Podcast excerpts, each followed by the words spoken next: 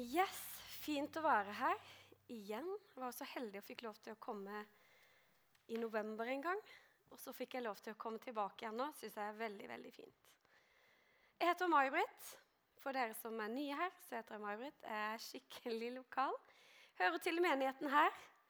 Bor i byen her, jobber i byen her. Jobber egentlig som lærer eh, på en barneskole i byen her. Så det er det jeg gjør til vanlig. Og så er jeg så heldig å få lov til å være en del av denne fantastiske menigheten. Som jeg er så usigelig stolt av.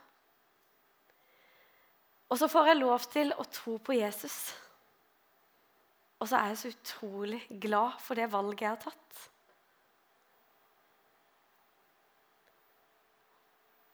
Og så tror jeg mange ganger at når du starter dagen Kanskje du starter med Og i dag så håper jeg at hadde akkurat tatt eksamen. Kanskje du håpte at du skulle klare å bestå. Eller kanskje håpte du at du skulle få en ganske god karakter, så den jobbinga du har hatt i forkant, skulle vise seg. Kanskje håpte du at du skulle få akkurat det temaet du kunne mest om. Kanskje håpte du at juleferien skulle bli som den mest fantastiske klisjéfilmen hvor alle er fornøyde og glade hele tida. Kanskje håper du hver eneste dag at noen skal sende et smil i din retning. Kanskje håper du at endelig noen skal komme hen og snakke med deg sånn at du kan bli kjent med noen flere i denne byen. Kanskje håper du at du skal finne ut hva du har lyst til å gjøre resten av livet ditt. Kanskje håper du at det igjen skal bli fred i Europa. Kanskje håper du at du skal få mer guts til å begynne å trene mer enn det du gjør. Spise sunnere enn det du gjør. Jeg tror det ordet 'håper' og 'håp' bruker vi utrolig mye. Og vi håper utrolig mye. Men hva er det egentlig vi tenker at håp handler om? Jo, håp. Det sier i en sånn definisjon så står det en positiv og optimistisk forventning om at noe ønska skal skje. Egentlig så er håp positivt lada. Og så tror jeg likevel mange ganger i vår hverdag at håpet blir en sånn desperasjon. At håpet ja, det handler om noe du virkelig ønsker. Men så ligger det likevel et snev av at du innerst inne kanskje tror at det kommer ikke til å skje likevel. Og kanskje blir du bare deprimert når du Nå vet jeg ikke om dere leser nettaviser en gang i deres generasjon, men jeg gjør iallfall det. Og jeg må innrømme at jeg skjønner at jeg føler meg veldig ung i hjertet, selv om alderen min begynner å si noe annet. Så føler jeg meg fremdeles veldig ung. Og min pappa sa alltid det. Du er ikke eldre enn du føler deg. Så derfor så føler jeg meg fremdeles som rundt sånn 30, kanskje. Og så vet jeg jo at jeg er jo mye, blitt mye eldre enn det. Og det skjønner jeg når jeg snakker med de som er yngre enn meg. Som liksom, er det ting jeg ser på som en selvfølge, det er ikke en selvfølge for dere. Men følger du med på nyhetene? Så blir du kanskje deprimert. Og så leste jeg faktisk et sted der det sto For jeg måtte jo se liksom, i forhold til eh, hvordan har egentlig folk det. For håp handler jo litt om hvordan har vi det egentlig? Eller hvordan ønsker vi å ha det? Og de siste ti åra så har det blitt økt i forhold til stress og bekymring i Norge. Og spesielt blant de unge. Og da tenker jeg Hva i all verden er det som gjør at stressnivået bekymringa øker blant dere. Altså Når dere begynner å jobbe Noen av dere jobber jo allerede. Da lengter man jo tilbake til å være student. Det sorgløse livet når man er student. Det var bare stress i slutten av november og desember og mai, juni. I eksamen, liksom. Eller så var det jo helt fantastisk. Syns iallfall jeg. Og så blir jeg litt skremt når man leser at i Norge så blir folk mer og mer stressa. Motløse. Bekymringer. De syns ting er håpløst. Og så tenker jeg hvor er det vi leiter etter det håpet? Hvor leiter dere etter håp og meninga med livet? Og så tror jeg at faktisk jeg som har vokst opp på 80- og 90-tallet, har vært utrolig heldig med at ikke jeg hadde SoMe. Jeg slapp å bekymre meg for om jeg skulle ta bilde fra den vinkelen. Eller var det sånn jeg måtte stå for at dobbeltlaka ikke skulle vises? Jeg slapp å bekymre meg for Guri har jeg lagt ut det siste av det jeg har gjort. Har jeg fått med meg alt som skjer? Og jeg kjenner at jeg får klump i magen hver gang den reklamen kommer på TV. Vet ikke om du har sett den for du ser sikkert ikke på, på TV som er uten å bare streame akkurat det programmet du vil. Men har du tilfeldigvis dukka innpå og sett den reklamen med hun jenta som står der og ser på telefonen sin, ser noen som er på en fest, og en jente snur seg og sier Nei, jeg kan dessverre ikke være sammen nå fordi at eh, jeg er så sliten, jeg ligger og bare slapper av. Og så vet hun at nei, det er, gjør du ikke. Du er sammen med noen andre. Men er ikke invitert. Eller de som slenger ut en kommentar om at hun ikke er god nok og ikke tynn nok.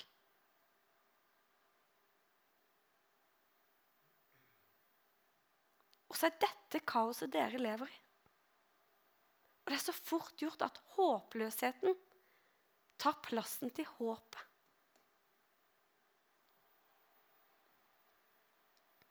Og jeg tror at for å fylle det, den plassen håpet skulle hatt, så fyller vi oss opp i et desperat forsøk på å føle seg bedre i forhold til fokus på utseende, legge ut de riktige tinga, følge med på de riktige tinga, få riktige tilbakemeldinger, likes, trening, sex Jeg vet ikke hva.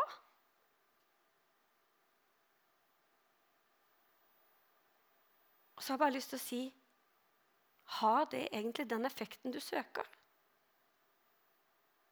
Og så er mitt svar nei. Jeg tror ikke det. Jeg tror det bare skaper enda mer håpløshet. Jeg tror det skaper enda dårligere selvbilde. så vil du skjønne det når du blir like gammel som meg. Det er mange ting i dagens samfunn som vi får til, som kanskje vi ikke fikk til hvis du går 20-30 år tilbake. Og enda lenger enn det òg. I verdensrommet vet mer enn noen gang. Men likevel så holder vi på å ødelegge hele jordkloden. Vi kan splitte atomet, men vi klarer ikke å forene mennesker. Vi har heva levestandarden, men har vi egentlig blitt lykkeligere?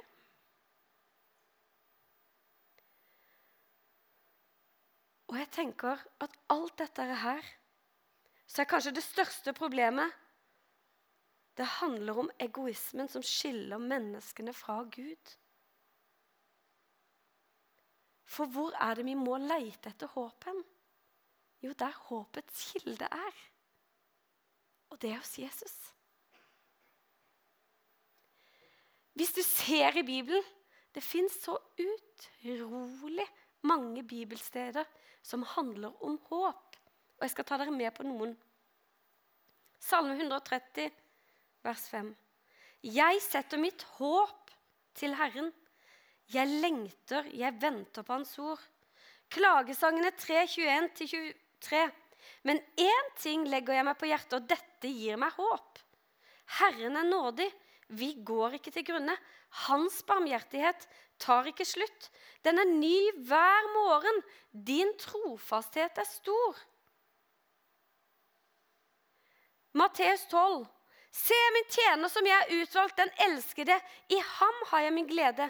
Jeg vil legge min ånd på han, og han skal forkynne retten for folkeslagene. Han skal ikke trette og ikke rope, og ingen skal høre hans røst i gatene. Han skal ikke knuse et knekka siv og ikke slukke en rykende veke, for han har ført retten frem til seier.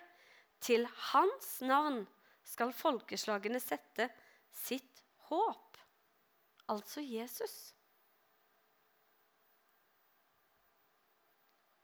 Han som valgte å gå den lange, tunge veien for å gi oss håp.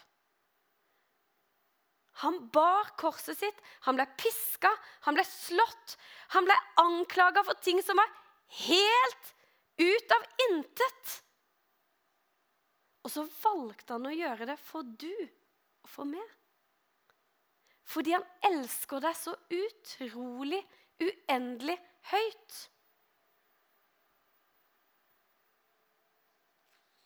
Og kanskje trenger vi Jesus mer enn noen gang. En som kan, vi kan få lov til å sette vårt håp til og rette vårt blikk mot. Og den sangen de spilte rett før Dere, dere som går tidlig inn, hørte den. Og Jesus, jeg er kommet for å øse ut mitt hjerte for deg. Det er jo det han ønsker. Han ønsker at vi, skal, at vi skal komme til ham. Han sier, 'Kom til meg, du som strever og har tungt å bære, så vil jeg gi deg hvile.' Det er der du må søke etter hvile, etter godkjenning, etter kjærlighet, etter håp. Det er der du kan få lov til å legge alle oppturene, alle nedturene. Og I dag så har jeg lyst til å ta dere med inn i en samtale jeg hadde på fredag. Fordi jeg har to barn, en gutt og en jente. Og det er ikke mine biologiske barn. Vi har adoptert dem. Vi var først fosterforeldre. Og i den prosessen med at vi ble fosterforeldre, så fikk vi først en gutt på tre måneder. Og gjennom han så ble, fikk jeg også lov til å bli kjent med biologisk mamma. En jente, jente vil jeg si, for hun, er, hun var veldig ung den gangen, som virkelig krøyp på innsida her hos meg. Så gikk det ett og et halvt år, hun ble gravid på nytt.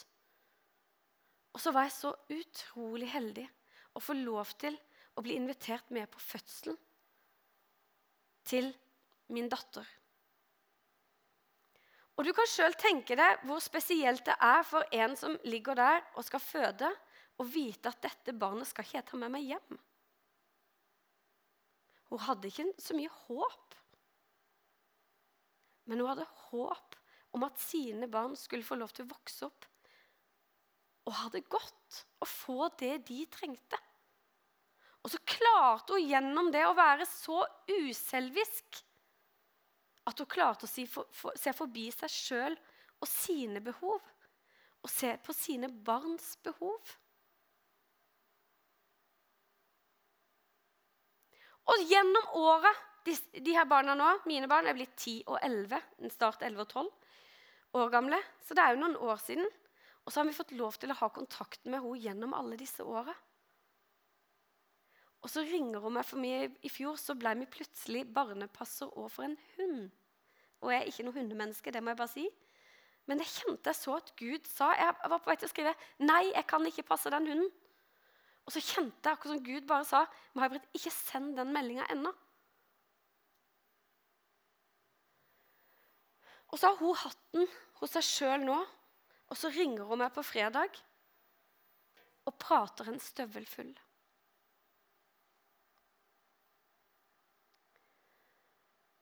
Og forteller at akkurat da så hadde hun det ikke så bra.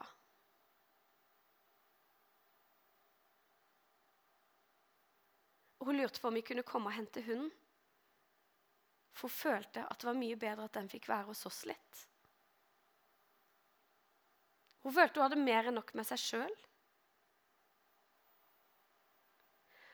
Og så sier hun May-Britt, jeg er så glad for at jeg er blitt kjent med dere.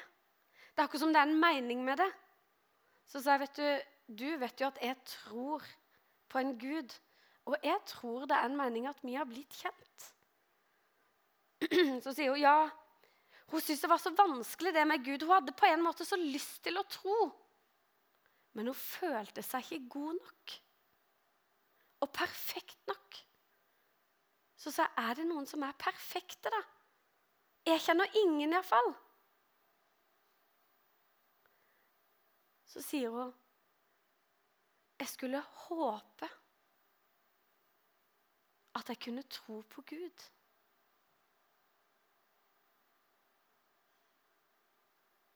Så sa jeg det er jo der du kan finne virkelig håpet. Og jeg vet at om du søker Han, så vil du finne Han. Og så kunne vi ha en lang prat. Vi prata i tre kvarter pluss at jeg prata med henne når jeg henta henne i byen. Kjørte henne hjem, fikk tak i hunden og kjørte henne ned igjen. Og så kunne jeg få lov til å dele av Guds kjærlighet til henne. Og gi henne et håp. Og det var ikke mine ord. Men jeg kunne få lov til å dele av det jeg sjøl har opplevd.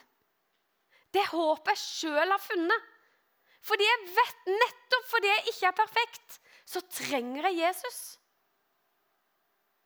Og hvis du sitter her og tenker at du, du tilhører Jesus nettopp fordi du er så perfekt, så tenker jeg da må du se deg sjøl i speilet en gang til. Ingen av oss som sitter her, er perfekte. Det er nettopp derfor vi trenger Jesus.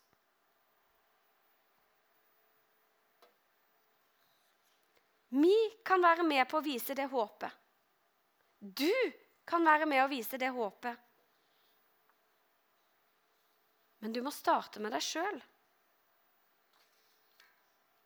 For hvordan kan du vise det håpet til andre hvis ikke du tror det sjøl, da?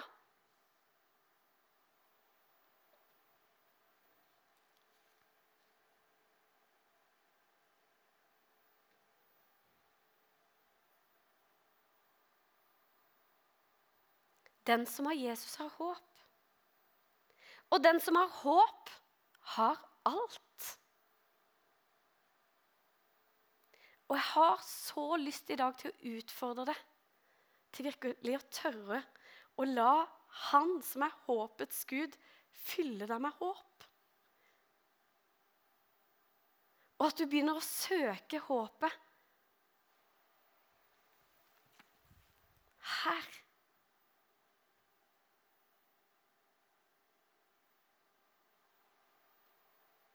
Jeg har så lyst til at du skal kjenne at yes, kanskje faktisk Jesus kan bruke meg.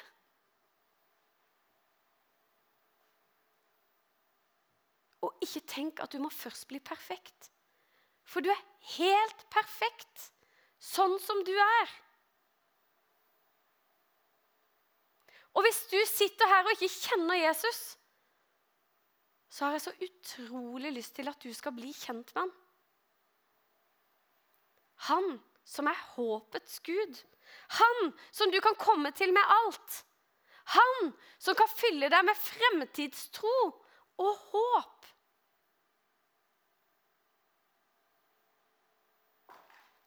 Vi skal gå mot slutten nå. Og jeg har utrolig lyst til å utfordre dere på to ting. Én er hvis du ikke kjenner Jesus. Åh, for et fantastisk halvår det vil bli for deg hvis du tør å si ja til han. Og hva er det egentlig som stopper deg? To, hvis du kjenner at du føler at livet er litt håpløst, så har jeg så lyst til å utfordre deg til å søke oppover mot han.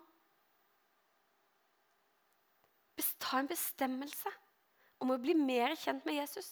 Finn alle skriftstedene hvor det står om håp i Bibelen, og begynn der. Du kan ta på Spotify-lista. Finn alle sangene som inneholder håp. det er mange.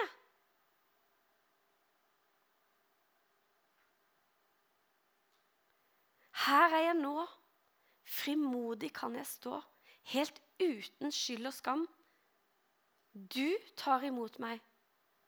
Du viser vei. Sant? Håpet. Sangen heter til og med det.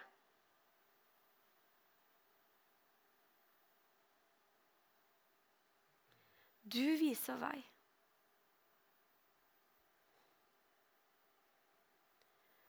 Tenk om du kunne tro, begynne å tro på det.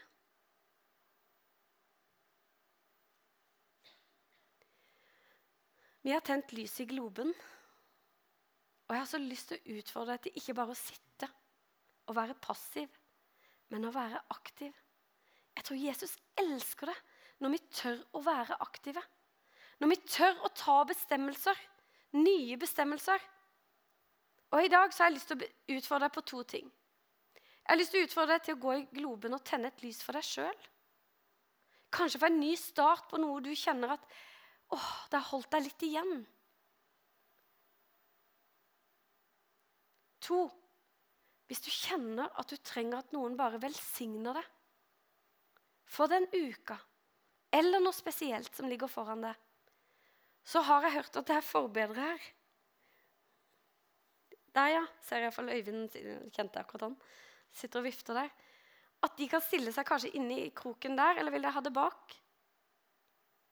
Ingen formening? Der. Vi tar det i kroken der. Gå hen. Få en hånd på skuldra. Og få en velsignelse med deg ut i hverdagen. Og Kanskje sitter du og tenker nei, jeg skal iallfall ikke være første. Ja, Men hvem skal være den første, da? Jeg kan gjerne være den første. Jeg tror vi trenger det. Og vi trenger å si 'Jesus, her er jeg'.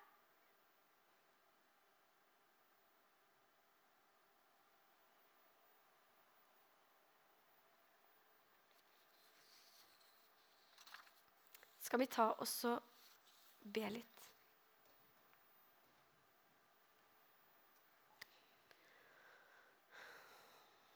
Jesus, takk for det at du er her, og takk for det at du er håpets Gud. Jesus, takk for det at du ønsker å vise oss at du har en plan. Når alt ser så håpløst ut, så gir du oss håp, og du har en plan for veien videre. Jesus, takk for det at de som sitter her nå, skal tørre å ta en bestemmelse. Takk, Jesus, for det at de skal tørre å ta et steg i tro. Takk, Jesus, for det at der de ikke ser noen muligheter, så ser du muligheten. Takk, Jesus, for det at de skal tørre å utfordre seg sjøl til å tørre å dele av det de har fått, til andre. Og takk, Jesus, for det at de skal bry seg ingenting om de rundt seg, men at de skal kun ha fokus på seg sjøl og på du. Og så ser du Jesus, hvis det sitter noen her som ikke kjenner deg, Jeg ber om at de må tørre å ta et valg om å følge deg i dag, Jesus. Og bli mer kjent med deg, og at de også skal tørre å gå hen til forbønn. Amen.